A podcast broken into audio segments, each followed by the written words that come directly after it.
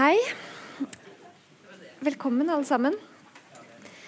Um, det, er, uh, det er ikke veldig ofte at uh, diktverk får den mest uh, prestisjetunge litteraturprisen i Sverige, Augustpriset. Men det skjedde altså med Linnea Akselssons verk 'Ednan' i 2018, som vi skal snakke om i dag.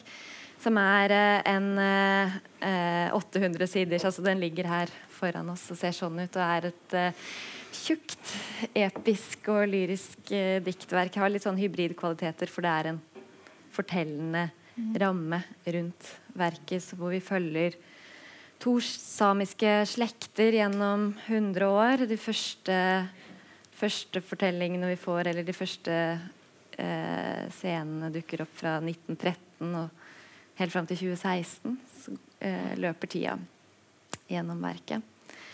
Um, og det skal vi snakke om. Men jeg tenker, Linnea, før vi begynner å snakke om dette, at uh, publikum skal få mulighet til å høre noe av den rytmen, uh, suggererende mm. rytmen, som, som kjennetegner språket her. Uh, hva vil du lese for oss nå først? Uh, jag ska väl säga att jag är förkyld, så ni får ha överseende med min röst. Eh, jo, men jag tänkte läsa om den här första familjen.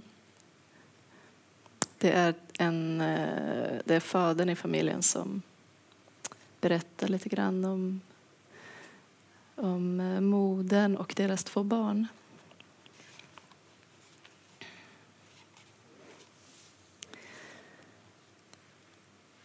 En salt havsvind lindade upp dina mörka lockar det var i sommarlandet vid nordnorska kusten. Vinden lekte svalkande bland pälsstråna. Myggorna blåstes bort innan de hann stinga. Renen skakade slött sin krona nöjd hemma i trivsellandet. Öns sluttning en grönskande kudde där havet svävar och silverbråsen från torget fästes vid din sjal. I kalvarnas ben spratt framtiden ovist en åt ena hållet, en åt det andra. Då makade sig havsdjupet tyst till rätta omsorgsfullt, lugnt och dolskt. På flyttning mot vinterlandet över glödande höstbetesmarker skulle du föda våra söner. Två födslar, två söner. Aslat med hårkransen svart som sot, tät som renarnas päls. Lyhörda fingrar som kände familjens märke skuret i renörat. Men den där Nila bara vågorna förnam han. Blåsvart brungrumliga förblev Nilas ögon. Ett spädbarns beslöjade, djupt lyssnande blick. Kring den blicken var ett ansikte slaget, likt en skål som aldrig tycktes ansträngas av eller ens kännas vid sitt innehåll. Stora bitar täljdes från vår renjords livslopp. Nilas svaghet gnagde mig in på bara benet. Klösande känslor tog mig som sitt hem. Motvilja, stolthet, skam. Du sa att pojken tillhörde ett känsligare släkte som bara tagit människodrag och jag såg något listigt ge sig till känna i den pojkmunnens gåtfulla hälsningar, hans irriterande försök att nå fram. Nej, du sa att det var ett ansikte som talade om att han till större delen var kvar i det glömda som alla kommer från. Havet, helt enkelt oöverskådligt. Då gav jag min dom. En så svag kan du inte dra med dig på fjället En sån lämnas bland de bofasta. Den hyser man in på gårdarna hos svensken. Trätans grin smetades över våra ansikten. Folk gick undan. Det låg tystnad i kåtan. Men det var förr. Sen gick du med Nila i ett rep från midjan. Inte ett ord ville komma över den svagas läppar. För starkt var han präglad av något från andra sidan slöjvattnet där människan spinner sin upprinnelse. En stjärtfena eller svansstump som skulle ha fallit av. Han borde ha simmat fram och vänt, sa jag den gången. Aldrig att han kommer till nytta i renskogen. Tack. Fint. Uh, I denne første delen, i trivselslandet, som vi sier et sted her, så er vi jo uh, Det fødes to sønner, uh, Aslat og Nila. det er mange temaer som virvles opp her, men jeg tenkte vi vil begynne å snakke med om de naturskildringene mm. som er i denne første delen, hvor vi er et veldig evig landskap hvor det er, det er før grenseoppmålinger, og det, et, det, står et sted at det løper et betesland fra skogarna snø til blåsende kusten. Mm. Og ute her så fødes disse sønnene mellom mygg og reinsdyr, og det er, man er eh, eh, et utendørsliv. Hva slags naturfølelse er det du vil skrive fram i denne første delen av boka, som er denne tidlige fasen av historien du forteller? Mm. Men det var nog mycket att, um, att jag själv ville uppleva den tillvaron på något sätt. Genom språket då naturligtvis. Men, um, det är ju som du säger tidigt 1900-tal och liksom eh, de samer som som det här rör sig om. De flyttar liksom fortfarande mellan Sverige och Norge och liksom har sommarbetesområden i Norge. Eh, och det går ju tillbaka på liksom många historier jag har hört liksom, eh, under min uppväxt om de här samerna som, som hade det livet liksom innan tvångsförflyttningen som då skedde på 20-talet då den här gränsen strängdes eh, för dem. Och, eh, och det här liksom, de här norska Atlantöarna framstår som någon slags eh, dröm. Och hela den här första delen i boken är ganska som någon slags barnfantasi på något sätt.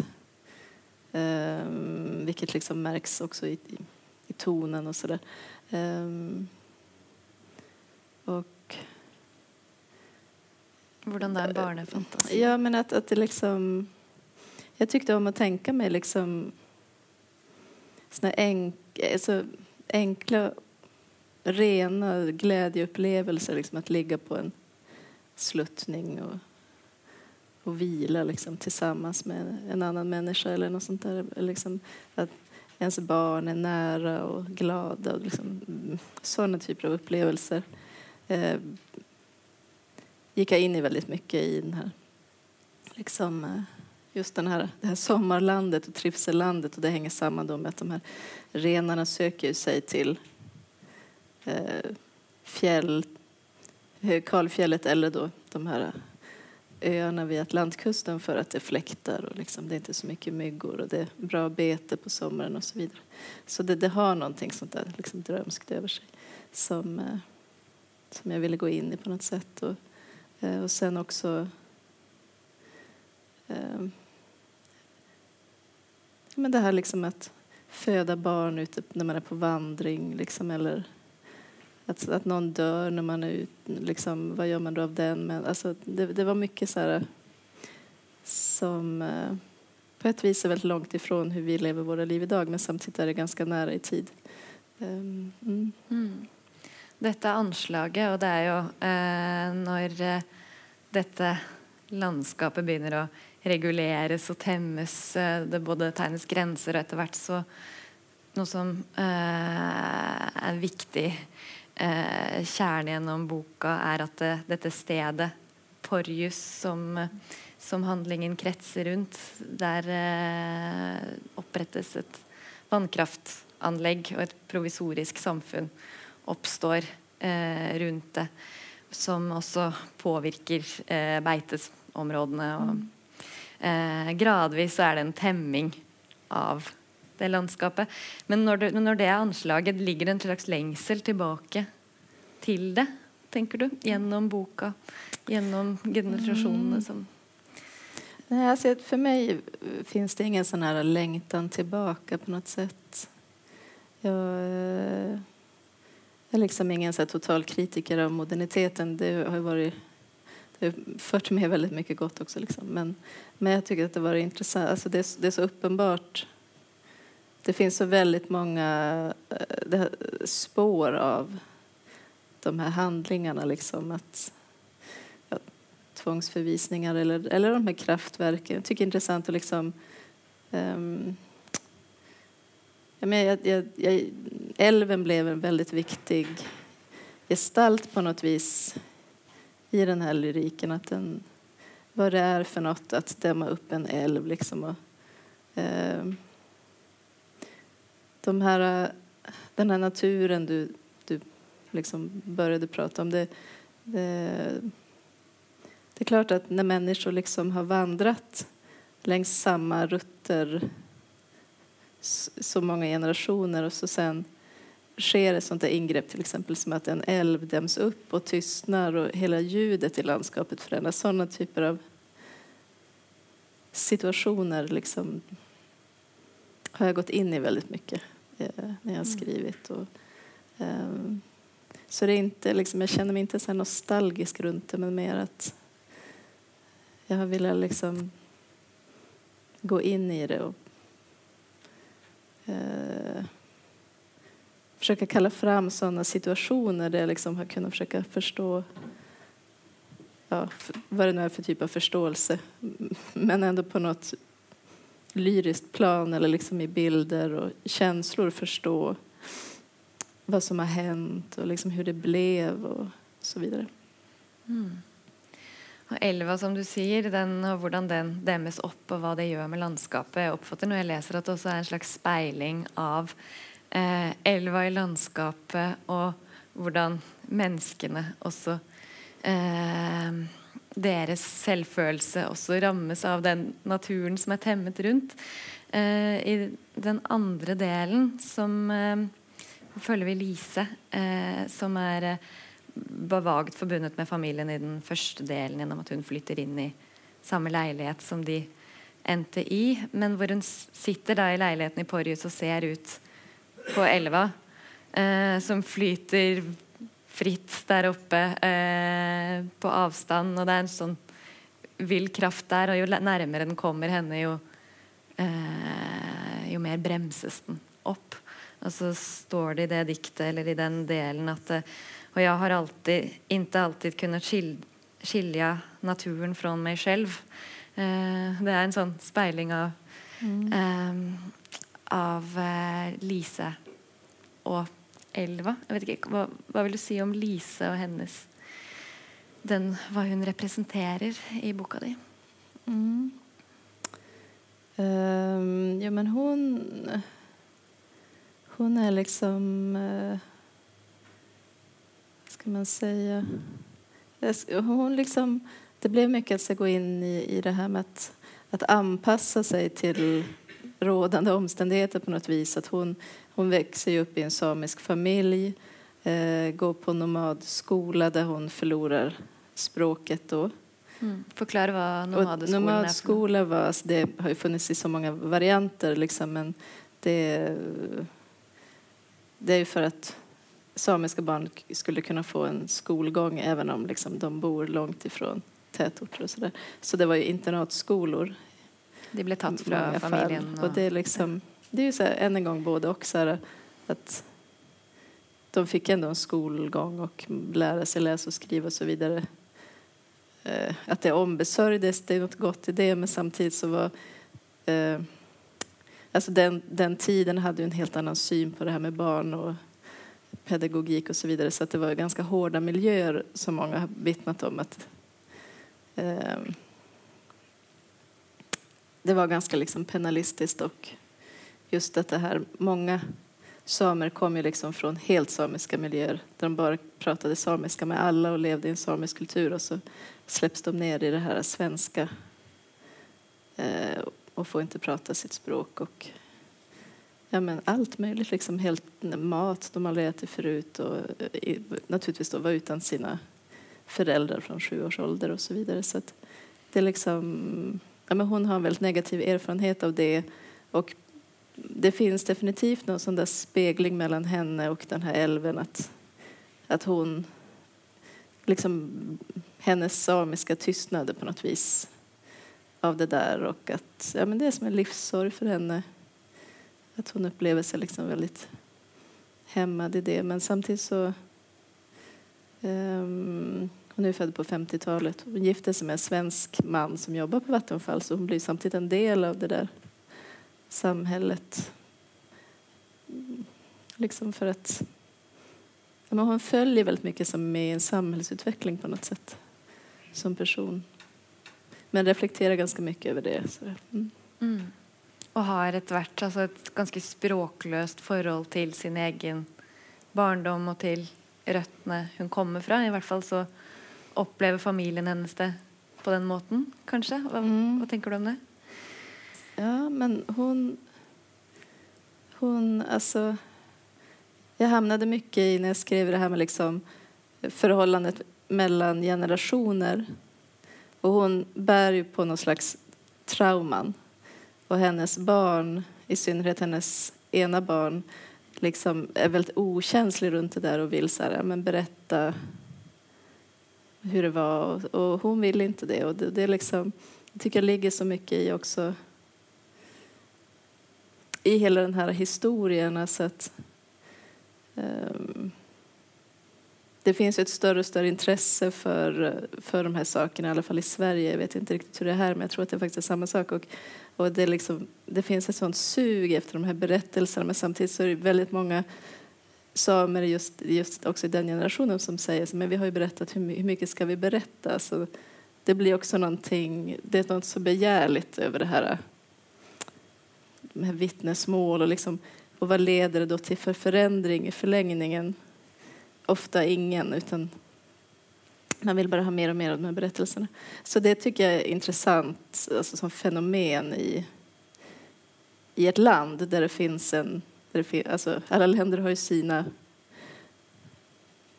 konflikter och historier liksom att dras med. Och det är en intressant dynamik det där när man liksom börjar nysta i någonting som man länge har inte varit intresserad av. Att det blir nästan liksom något underligt utnyttjande igen för det leder ändå inte till att man ändrar politik eller vad det kan vara utan man vill bara ha liksom fler och fler mörka, snaskiga historier på något sätt. Och någon sån känsla har den här Lisa, att hon är inte så... Eh, hon, hon, är ganska liksom, hon har integritet, hon vill inte berätta så mycket och det har hennes eh, familj lite svårt att respektera. Mm. Da eh, denne datteren som spør mm. Berette hvordan det var på nomadeskolen, og jeg skal skrive en oppgave om deg på skolen. Kan du ikke mm. fortelle? Hun får jo etter hvert sin egen del. Eller sin egen Hun blir framtredende i den tredje og siste mm. delen, som er eh, eh, den unge generasjonen i dag sin eh, del, kanskje, kan man si. Og som har denne protestånden også over seg, og nysgjerrigheten. Men man kan jo Du sier det du forstår denne morens perspektiv liksom, og føle at man blir eh, At det der ligger en utnyttelse eller en sånn, et sug som ikke eh, Som man liksom stilles krav til å bidra til. Da. Men, men, men, fra Sandras perspektiv så er dette en del av hennes røtter og en del av hennes oppvekst. Og den eh, unge eh, samiske generasjonen som kanskje har opplevd foreldrenes taushet. Da. Kan du forstå det perspektivet mm. også? Det ønsket etter å få vite mest mulig? Ja, gud. Alltså, jag, tycker, jag, jag känner mig liksom... Äh, ja, jag känner att jag verkligen är i hela boken och, och gått, gått in i alla känslor. Jag kan verkligen definitivt förstå eh, den här Sandra och, och liksom överhuvudtaget det här intresset för liksom det mörka eller att få människor att berätta om sina liv. Det, det, det, det har ju jag som alla andra, liksom, säkert mer än många andra. Jag älskar verkligen att lyssna. Det är som någon slags grundhållning på något sätt. Um, så det, det, förstår jag definitivt. Och det är, något, det är ju rätt liksom att det finns ett intresse och att man, man vill att... Eh, det har väl också att göra med en större medvetenhet om liksom vad det innebär att vara att ha varit utsatt för någonting traumatiskt. Att det kan ju också vara något negativt att man inte förmår berätta om det och att människor berättar om saker kan ju också liksom vara vara bra för dem liksom i något slags sorgarbete. Så, där. så, att, eh, så det är liksom det komplexa situationer och relationer och sådär som, som ja, det, det är lätt tycker jag att leva sig in i allas sits på något sätt. Mm. Mm, det är så mänskligt. Mm. Det är ju, eh, som du är inne på, ett eller annat i vår tid nu, en, en eh, ny eller en eh, stor intresse. Eh, i, altså man ser det i kunstlivet. I, i denne uka så har dronning Sonja åpnet uh, kunstutstilling med samisk kunst. Uh, på Documenta så, spilte, så var jo det også et mm. viktig Den store kunstmesterien i Tyskland så var den samiske kunsten en veldig sånn viktig bære bjelke. Eh, samtidig så har du eh, sånne filmer som Amanda Chanels eh, 'Sameblod', som, eh, hvor, eh, hvor, den hovedpersonen De som har sett den, da, så er det en hovedperson der som, som har flere likhetstrekk med Lise, som også har den herre taus, eh, taus eh, er, eller erfaringen av taushet knyttet til sin egen fortid, fordi det også ligger en slags avstand till det. Eller, ja. Är det, eller vad, ja. Ja, alltså jag tycker Lise liksom i, i Sameblod så handlar det om en person som ju lämnar det samiska livet så att säga och blir mm. svensk, bara mm. svensk. Ja. Eh, men Lisa är mer liksom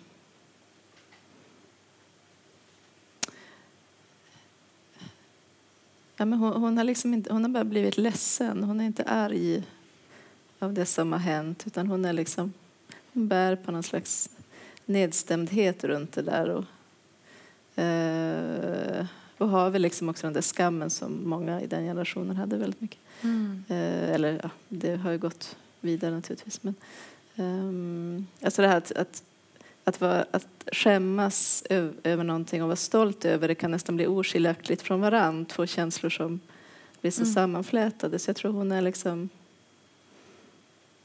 jag, jag, tänkte inte att hon liksom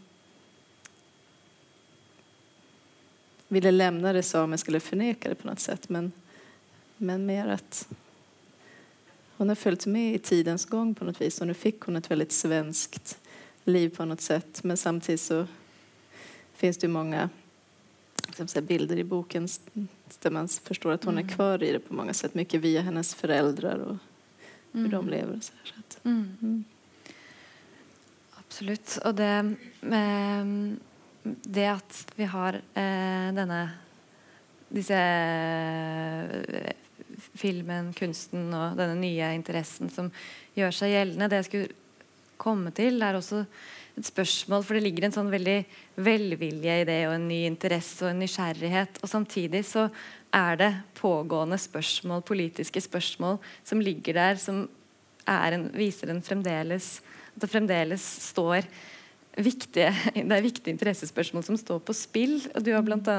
i Eh, I Enan så er det i en svensk sammenheng så, er det, så har denne rettssaken hvor den svenske samebyen Girjas stevnet staten om jakt- og fiskerettigheter, vært sånn veldig viktig kamp som har blitt ført. I Norge så det, står det kamper nå. Nå har man åpnet Repparfjorden som for gruve, eh, for eh, dumping av gruveavfall mot Sametingets eh, vilje. Og det er stadig, stadig nye kamper som, eh, som er der, og, eh, og nye overkjøringer, da, kan man kanskje si. Men eh, den eh, rettssaken mot Girjas pågår fortsatt. Men hva tenker du om det? Altså, det er jo fortsatt en, en, eh, eh nødvendig med en politisk kamp, som Sandra eh, kanskje er eksponenten for Mm. i Ednan. Mm.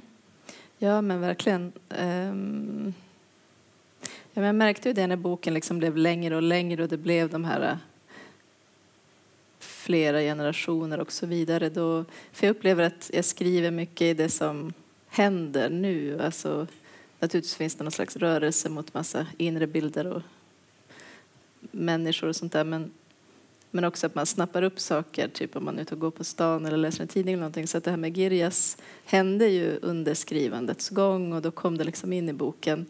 Ehm, och det blev liksom också det skulle ha känts som att det inte var sant om jag inte hade gått in i det här politiska eh, den typen av hållning eller liksom energi för det, den är så närvarande i, den samiska världen och det beror ju på den här intressekonflikten som du tar upp liksom att det är ju fortfarande eh, ja, men en, en högst levande konflikt liksom runt mark och hur man ska använda marken och så där. Och det där är ju svårt eftersom det finns en sån kolonial historia som man inte riktigt vill kännas vid. Och, eh,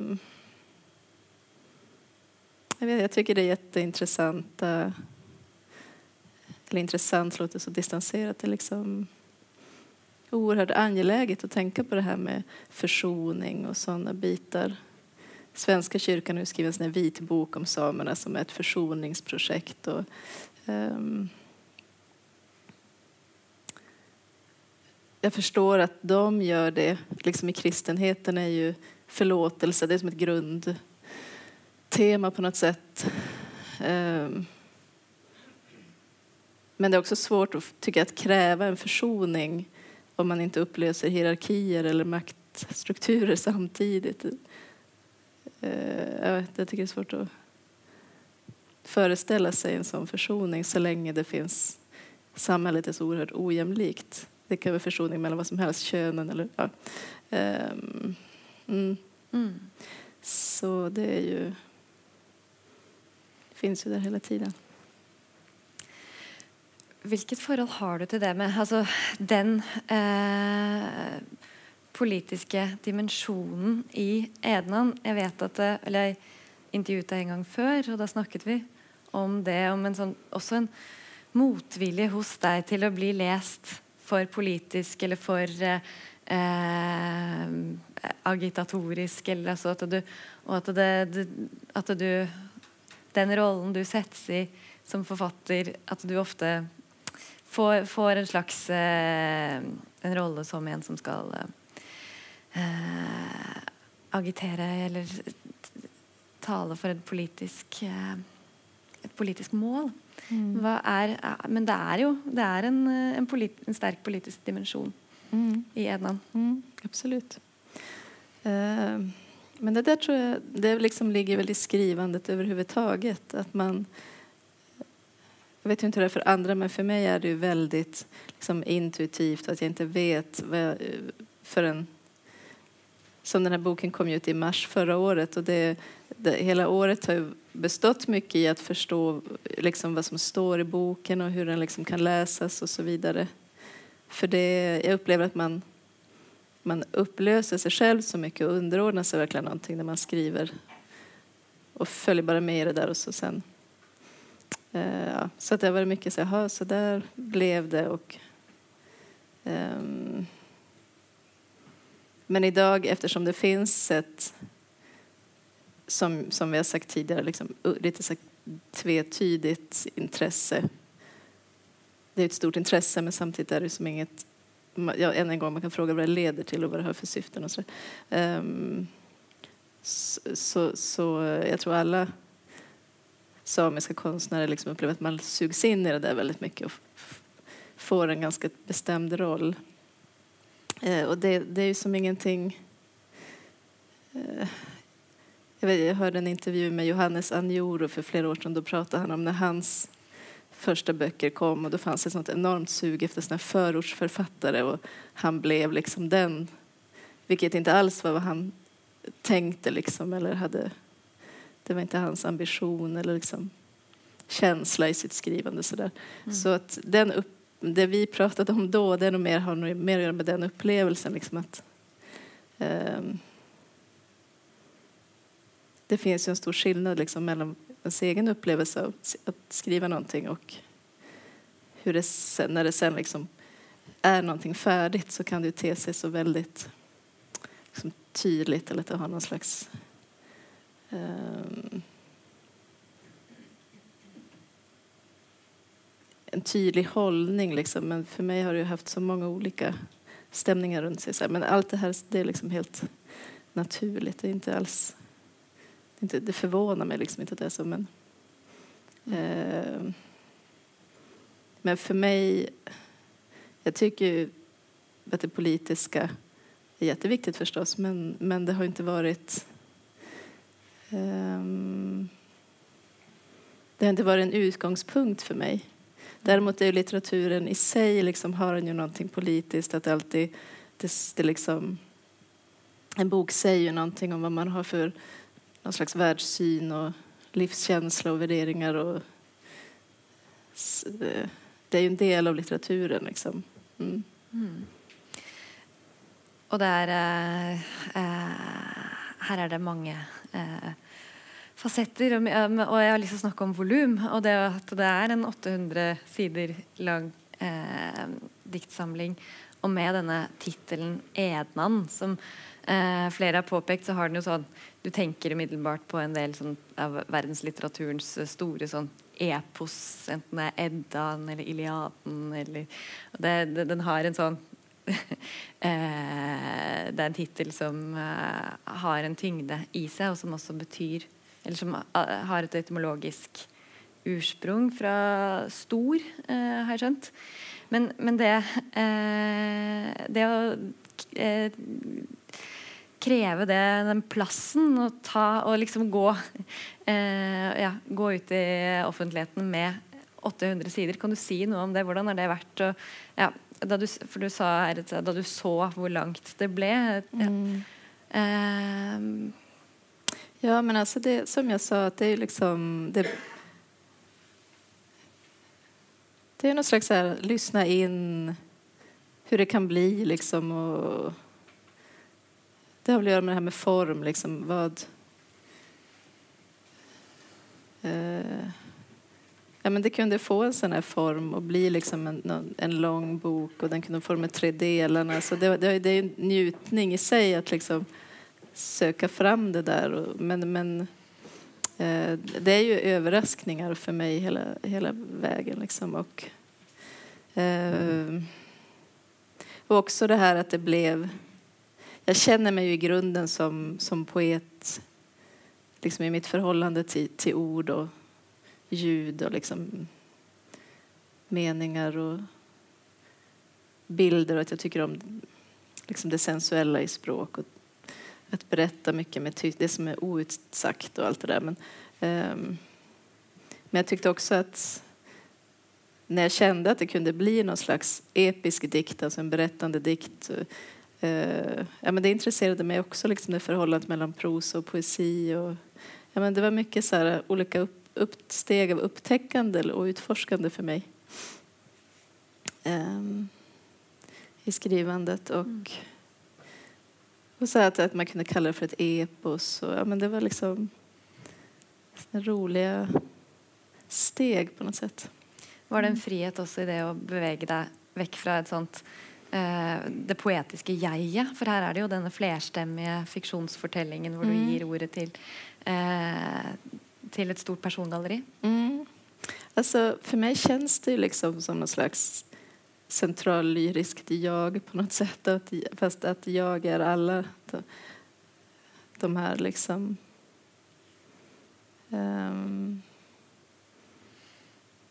det var mer liksom så njut, njutningen och det roliga men också jobbiga förstås är att eh, hur en röst sen kan möta en annan. Men det tycker jag liknar ganska mycket bara hur en, i en vanlig diktsamling, liksom hur en, en lång dikt kanske möts av en väldigt kort dikt som avslutar den världen på något vis. Så, eh, så mm. Mm. Mm. Vi tänkte eh, för att eh, vi ska eh, få höra mer, eller ja, inte bara snacka om detta utsigliga och lyriska i Ednan, att vi också skulle avsluta med att du läser en mm. ett parti.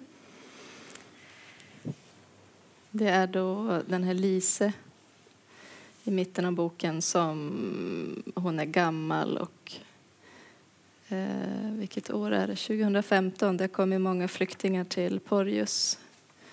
Och hon går ner till eh, språkcaféet som de har öppnat för de här flyktingarna. Och, eh, liksom det väcker många känslor om språk och, och vad den här Älvdalen är för typ av plats, eh, liksom hur man hamnar där och så. Vågorna frasar.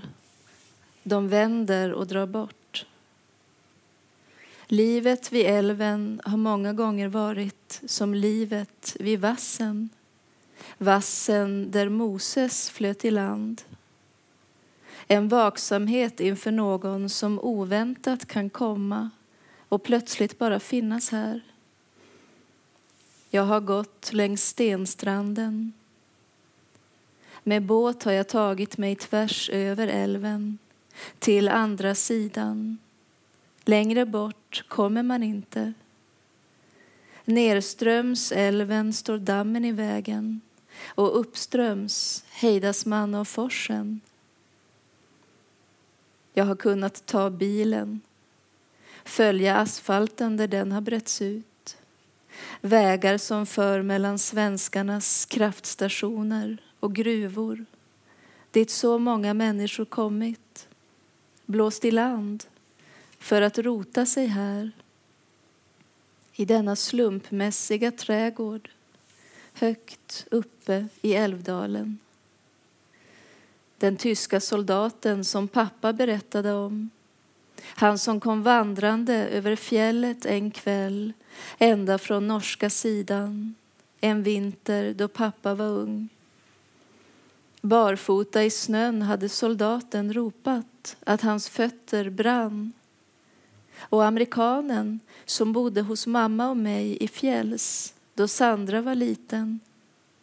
Rolf skulle jobba i Vietas hela den sommaren när den där unga amerikanen kom med turistbåten. Han var inkallad till kriget i Vietnam men hade flytt. Han bodde med oss några veckor. Vi lärde honom fläta samiska band som han sålde till turister. Han var varm. Han sa att jag var varm bakom stenarna. Sandra hade legat i gräset, ätit hjortron och torrkött från mammas skärbräda som hon tagit med ut. Utanför fönstret snöar det nu och människor har börjat blåsas hit upp igen efter alla dessa år av avmagring då de bara har strömmat bort sen Vattenfall dragit sig undan. Nu virvlar de hitåt på nytt. Jag tar på dunjackan jag fått av Sandra, drar upp dragkedjan. Sen går jag ner för backen till språkcaféet. Bibi sitter redan där. Jag tycker hon ser likadan ut som på Noman. Men jag förstår ju att vi är gamla för dem, för de unga som flytt hit. Över 200 flyktingar till Porjus. Nyss var vi 350 som bodde här.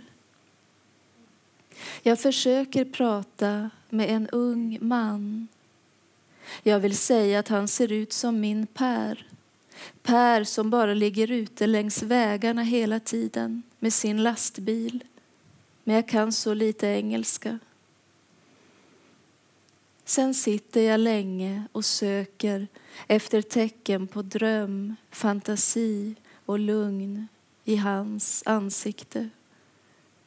Tycker mig upptäcka spår av våld, men jag vet inte. Och så tycker jag mig se något bekant från mitt eget liv i Bibbis höga, förslutna, hårda ansikte som sitter där mitt emot mig som en mörk sköld, också kring hennes hjärta.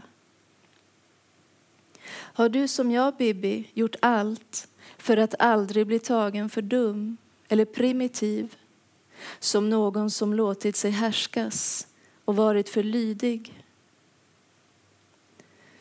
Dörren öppnas igen och det kommer in en kusin till Bibi som sätter sig vid bordet. De pratar en så vacker samiska. Det är samma dialekt som vi hade hemma på vår backe. Språket som fortfarande fanns när vi började skolan, Jonne och jag. Är jag då så dum att jag inte klarar att hålla mitt eget språk levande? Jag bara lät det försvinna, fördrivas från mina barn så att Sandra nu låter som en bok, helt utan dialekt när hon i vuxen ålder försöker lära sig samiska med sina barn. Inte ett ljud får jag fram alla de gånger hon säger Svara mig på samiska, mamma. Och jag vill berätta allting för den där unga mannen som sitter vid bordet intill Bibi med sin kaffekopp och kanelbulle. Men jag kan bara le och han ler tillbaka, nickar menande och höjer koppen. Vet han om att jag sitter och lyssnar på hans språk? Mellan orden som bara är ljud för mig och som jag inte förstår anar jag något han lämnat. Något han har förlorat och som han inte vill mista. Kommer han också att få ett barn här någon gång? Vilket språk ska hans barnbarn få prata? Vilka fåglar och träd kommer de att lära sig namnen på? Och vad ska de sjunga för sånger? Om solen och vinden, kriget och männen, fattig och rik. Tusen tack. Um, vi ska runda av. Jeg uh, skal bare si at uh, det er, uh, enn så lenge så er det ikke noe norsk eh, forlag som har tatt på seg å gjendikte og gi ut Edan, men den kan kjøpes på svensk nede i bokhandelen, og der vil Linnea nå sitte og signere. Og det ja är en utrolig flott bok som eh, uh, flere burde sjekke ut. Takk skal du ha, Linnea. Takk.